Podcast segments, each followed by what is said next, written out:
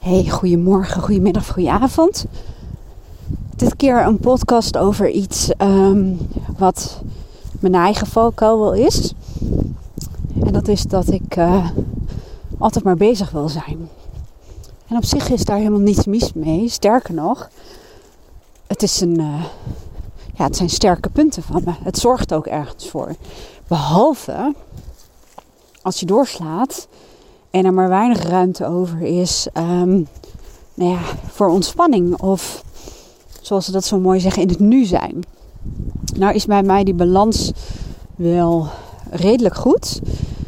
En ik zeg bewust redelijk, niet super. En uh, overigens is de kans groot dat je wat de wind op de achtergrond hoort. Uh, ik loop in het bos en ik ben nu even helemaal afgeweken van mijn uh, commitment aan mezelf en de hond. Dat is namelijk dat ik in het bos niet podcast. Maar ik doe het nu wel. Um, waarom? Omdat ik merk dat ik er nu zelf ergens last van heb. En uh, dat ik eigenlijk, omdat ik weet dat dat een thema is van heel veel luisteraars en klanten.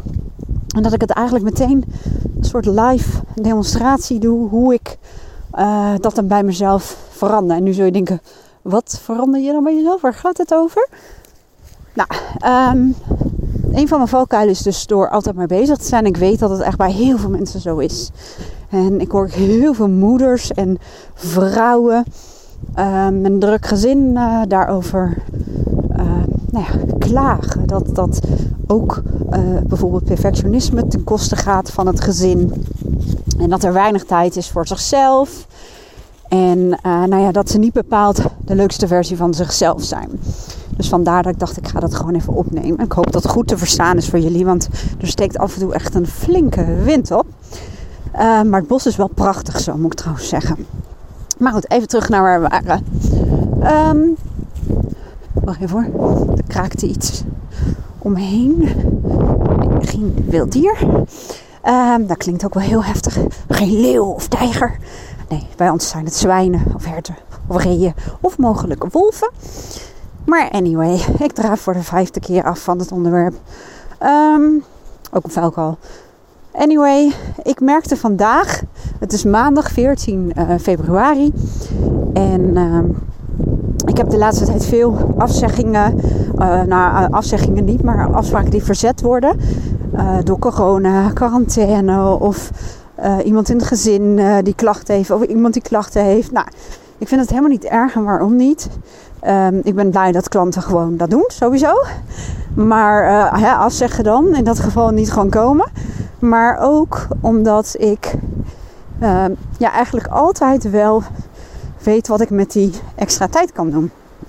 En daar zit die valkuil. Um, want het is ook maar net aan welk deel van mezelf je dat vraagt. En meestal krijgt mijn innerlijke pusher, hè, de kant die altijd maar door wil en die altijd maar nuttige dingen wil doen en bezig wil zijn, uh, samen met de innerlijke criticus, want die staat vaak nauw bij betrokken. Als je het aan hun vraagt, die willen die tijd gewoon opvullen met uh, BSM Academy, bloggen, podcasten, wat ik natuurlijk nu wel even aan het doen ben, dat even terzijde. Maar, uh, of dingen in huis, of nou ja, nuttige, productieve dingen, vooral productief. En vanmorgen, ik had een sessie namelijk om 1 uur, meestal ben ik zo ongeveer 2 uur mee bezig.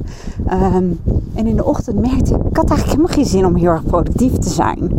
Dus toen dacht ik heel stoer, voor mij is dat heel stoer, dat ik dacht, weet je wat ik ga doen? Ik ga overdag, ik ga al zachtjes praten hoor, maar mijn innerlijke criticus vindt hier natuurlijk wat van. Ik ga overdag Alaskan Bush People kijken. Lekker kopje koffie erbij lekker genieten. Ja, dat leek zo. Alleen, dat herken je misschien wel. Um, als je dat dan doet, kan het zijn dat juist een deel van jou uh, heel erg dominant aanwezig wordt. En mijn innerlijke criticus, die vond, ja, die vindt eigenlijk dat gewoon zonde van tijd. En die wil dat dan afbakenen door bijvoorbeeld de gedachten die je dan kreeg, weet je. Dan ga ik dat doen tot half negen. Maar om half negen dacht ik, ah, ik wacht nog een half uurtje. En dat deed ik twee keer. Op een gegeven moment was het kwart over negen. En eigenlijk weet ik dan dan heb ik ook niet echt genoten van even lekker daarnaar kijken. Omdat ik ondertussen op de achtergrond de klok voel tikken. Of eigenlijk de adem van mijn innerlijke criticus in mijn nek voel samen met mijn innerlijke pusher. Die denkt, oh er zijn zoveel productieve goede dingen te doen nu. Dan ga je overdag naar Alaska Bush People kijken en dat draagt helemaal nergens aan bij. Met als gevolg, dat zeggen ook heel veel mensen in mijn praktijk of in mijn programma's, van ja, dat is wel leuk. Ik snap zelf ook wel dat ik dan dingen los moet laten of even moet ontspannen. En dat het ook goed is om juist nog maar gewoon even zoiets te doen. Maar dat is rationeel. Maar die voel je niet als je pusher en je innerlijke criticus um, dominant zijn of aan je stuur gaan zitten. Nou, wat ik dan doe, en het begint te regenen, dus dat hoor je dus nu ook. Um, en heel hard ook. wat ik dan doe, dan denk ik, ja, wie laat ik dit nu eigenlijk bepalen? hoe ik mijn dag indeel. En het leven is ook geen to-do-lijstje, om het zo te zeggen. Nou, wat ik dan doe, ik, um, ik luister, ik heb dat al vaak gedaan. Ik luister wel naar wat willen die innerlijke criticus en die pusher mij dan vertellen. Hè? Wat is de functie? Uh, waar zorgen ze voor? Dat proces moet je niet overslaan. Nou, dat hoef ik in mijn geval ook bijna niet meer over te slaan. Want ik heb al zo vaak dit gedaan dat ik dat nu al helder heb. En daarna ga je kijken, oké, je hebt ook nog andere delen in jezelf, andere kanten. Um, wat zouden die hierover zeggen? En dan doorbreek je vaak dat patroon en dan kom je vaak wel bij je gevoel. En kun je je wel gewoon overgeven aan uh, dat je nu even, even niet iets productiefs doet, uh, mijn hand wordt heel koud. Uh, maar dat geeft niet. Het gevoel dat je leeft, hè, zullen we maar zeggen. En eigenlijk vind ik lopen in de regen zo charme wel hebben. Ik weet niet of mijn telefoon dat ook vindt. En de hond niet, zo te zien. Anyway. Nou, wat ik dan nu live doe, hè. Want ik heb toch gekozen om naar het bos te gaan. Alhoewel, dat was luiigheid, want ik kreeg de poort niet goed dicht. Toen dacht ik, ach, kan die hond dus niet alleen in de tuin laten. Kan ik net zo goed met hem gaan lopen. Dat was ook een moment waarop ik dacht, ja, waarom ga ik er dan niet ook gewoon van genieten? Even lekker lopen in plaats van met mijn hoofd bezig zijn met wat ik allemaal straks nog ga doen. Nou, hoe ik dat dan doe? Ik denk dan, oké, welke kant, kanten van mijzelf um, zijn meer van de afdeling genieten en leven en ontspannen. En uh, hoe zouden die er nu naar kijken? Ik hoop echt dat je me nog goed kunt verstaan. Ik heb helemaal een kommetje gemaakt van mijn hand om mijn telefoon heen. Um, nou, rust en kalmte, maar rustig en kalme kant. Um, ja, wat voor kanten nog meer? Ik voel heel erg dat bijvoorbeeld als ik het aan rust en kalmte zou vragen, die zouden zeggen inderdaad van het leven is niet een to-do-lijstje en het is ook niet zo vanzelfsprekend dat er maar elke dag weer een nieuwe morgen is. En is dit dan hoe jij je leven wil leiden. En zijn dit dan de belangrijke dingen? En mis je dan het leven niet als je vooral vanuit de push en innerlijke criticus doet wat nuttig is en productief bent en um, ja, je wellicht iets aan bewijzen bent, hè? een stukje bestaansrecht of wat goed genoeg zijn. En um, ja, waar doe je het eigenlijk allemaal voor? Waar, waar doe je het uiteindelijk voor? Toch voor dit soort momenten.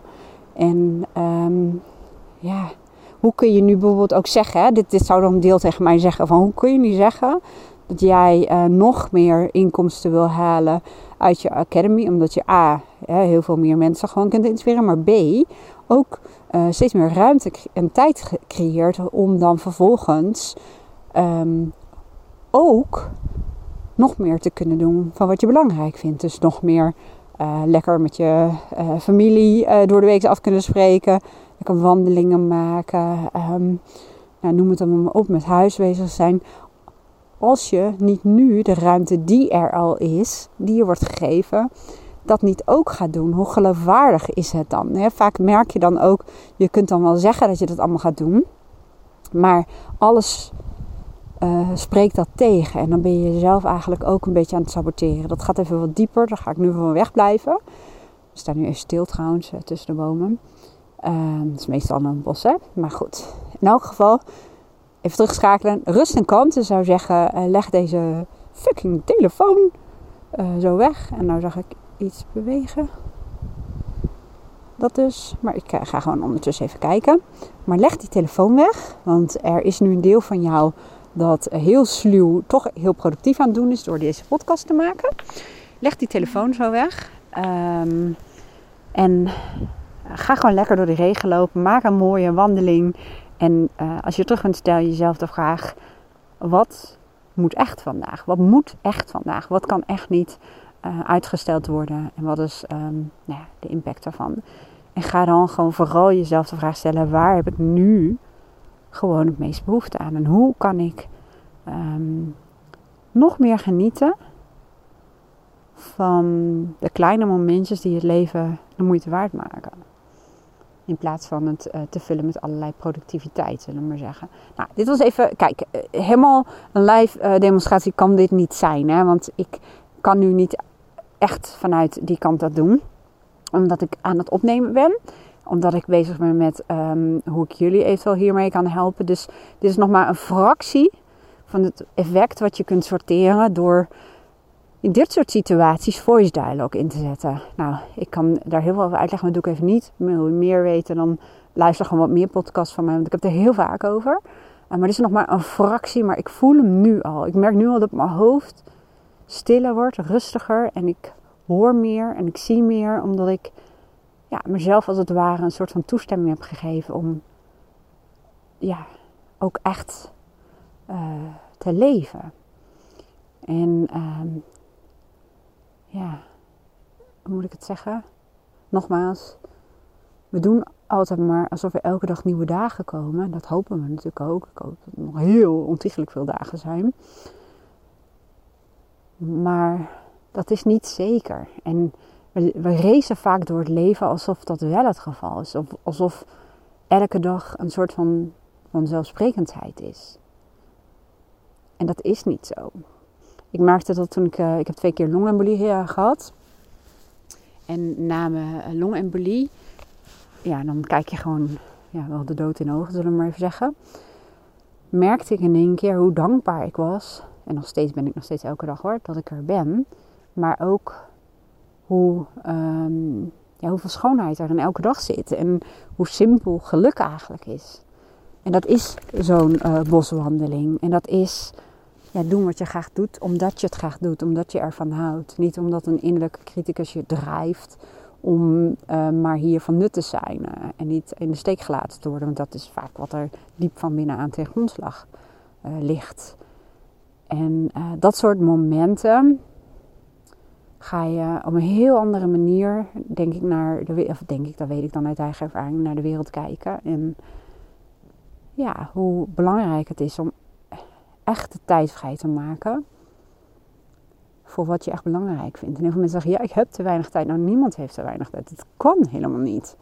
Alleen je hebt gewoon veel te veel te doen. En uh, vaak zit je in een bepaald patroon, omdat een deel van jou zegt, ja, maar um, ik kan ook niks uh, veranderen. En daar heb ik geen invloed op. Of dan gaat dat niet en dan gaat dat niet. Dat klopt, maar het is ook maar net aan welk deel je dat vraagt en welk deel je dat vraagstuk voorlegt. Want als je gaat switchen van delen, zul je merken dat er heel veel andere creatieve manieren zijn om toch jezelf meer vrij te spelen. Om toch meer in het hier en nu bewust en met aandacht van je leven en je gezin en je vrienden en je partner en, en, en het leven en wat dan ook te genieten.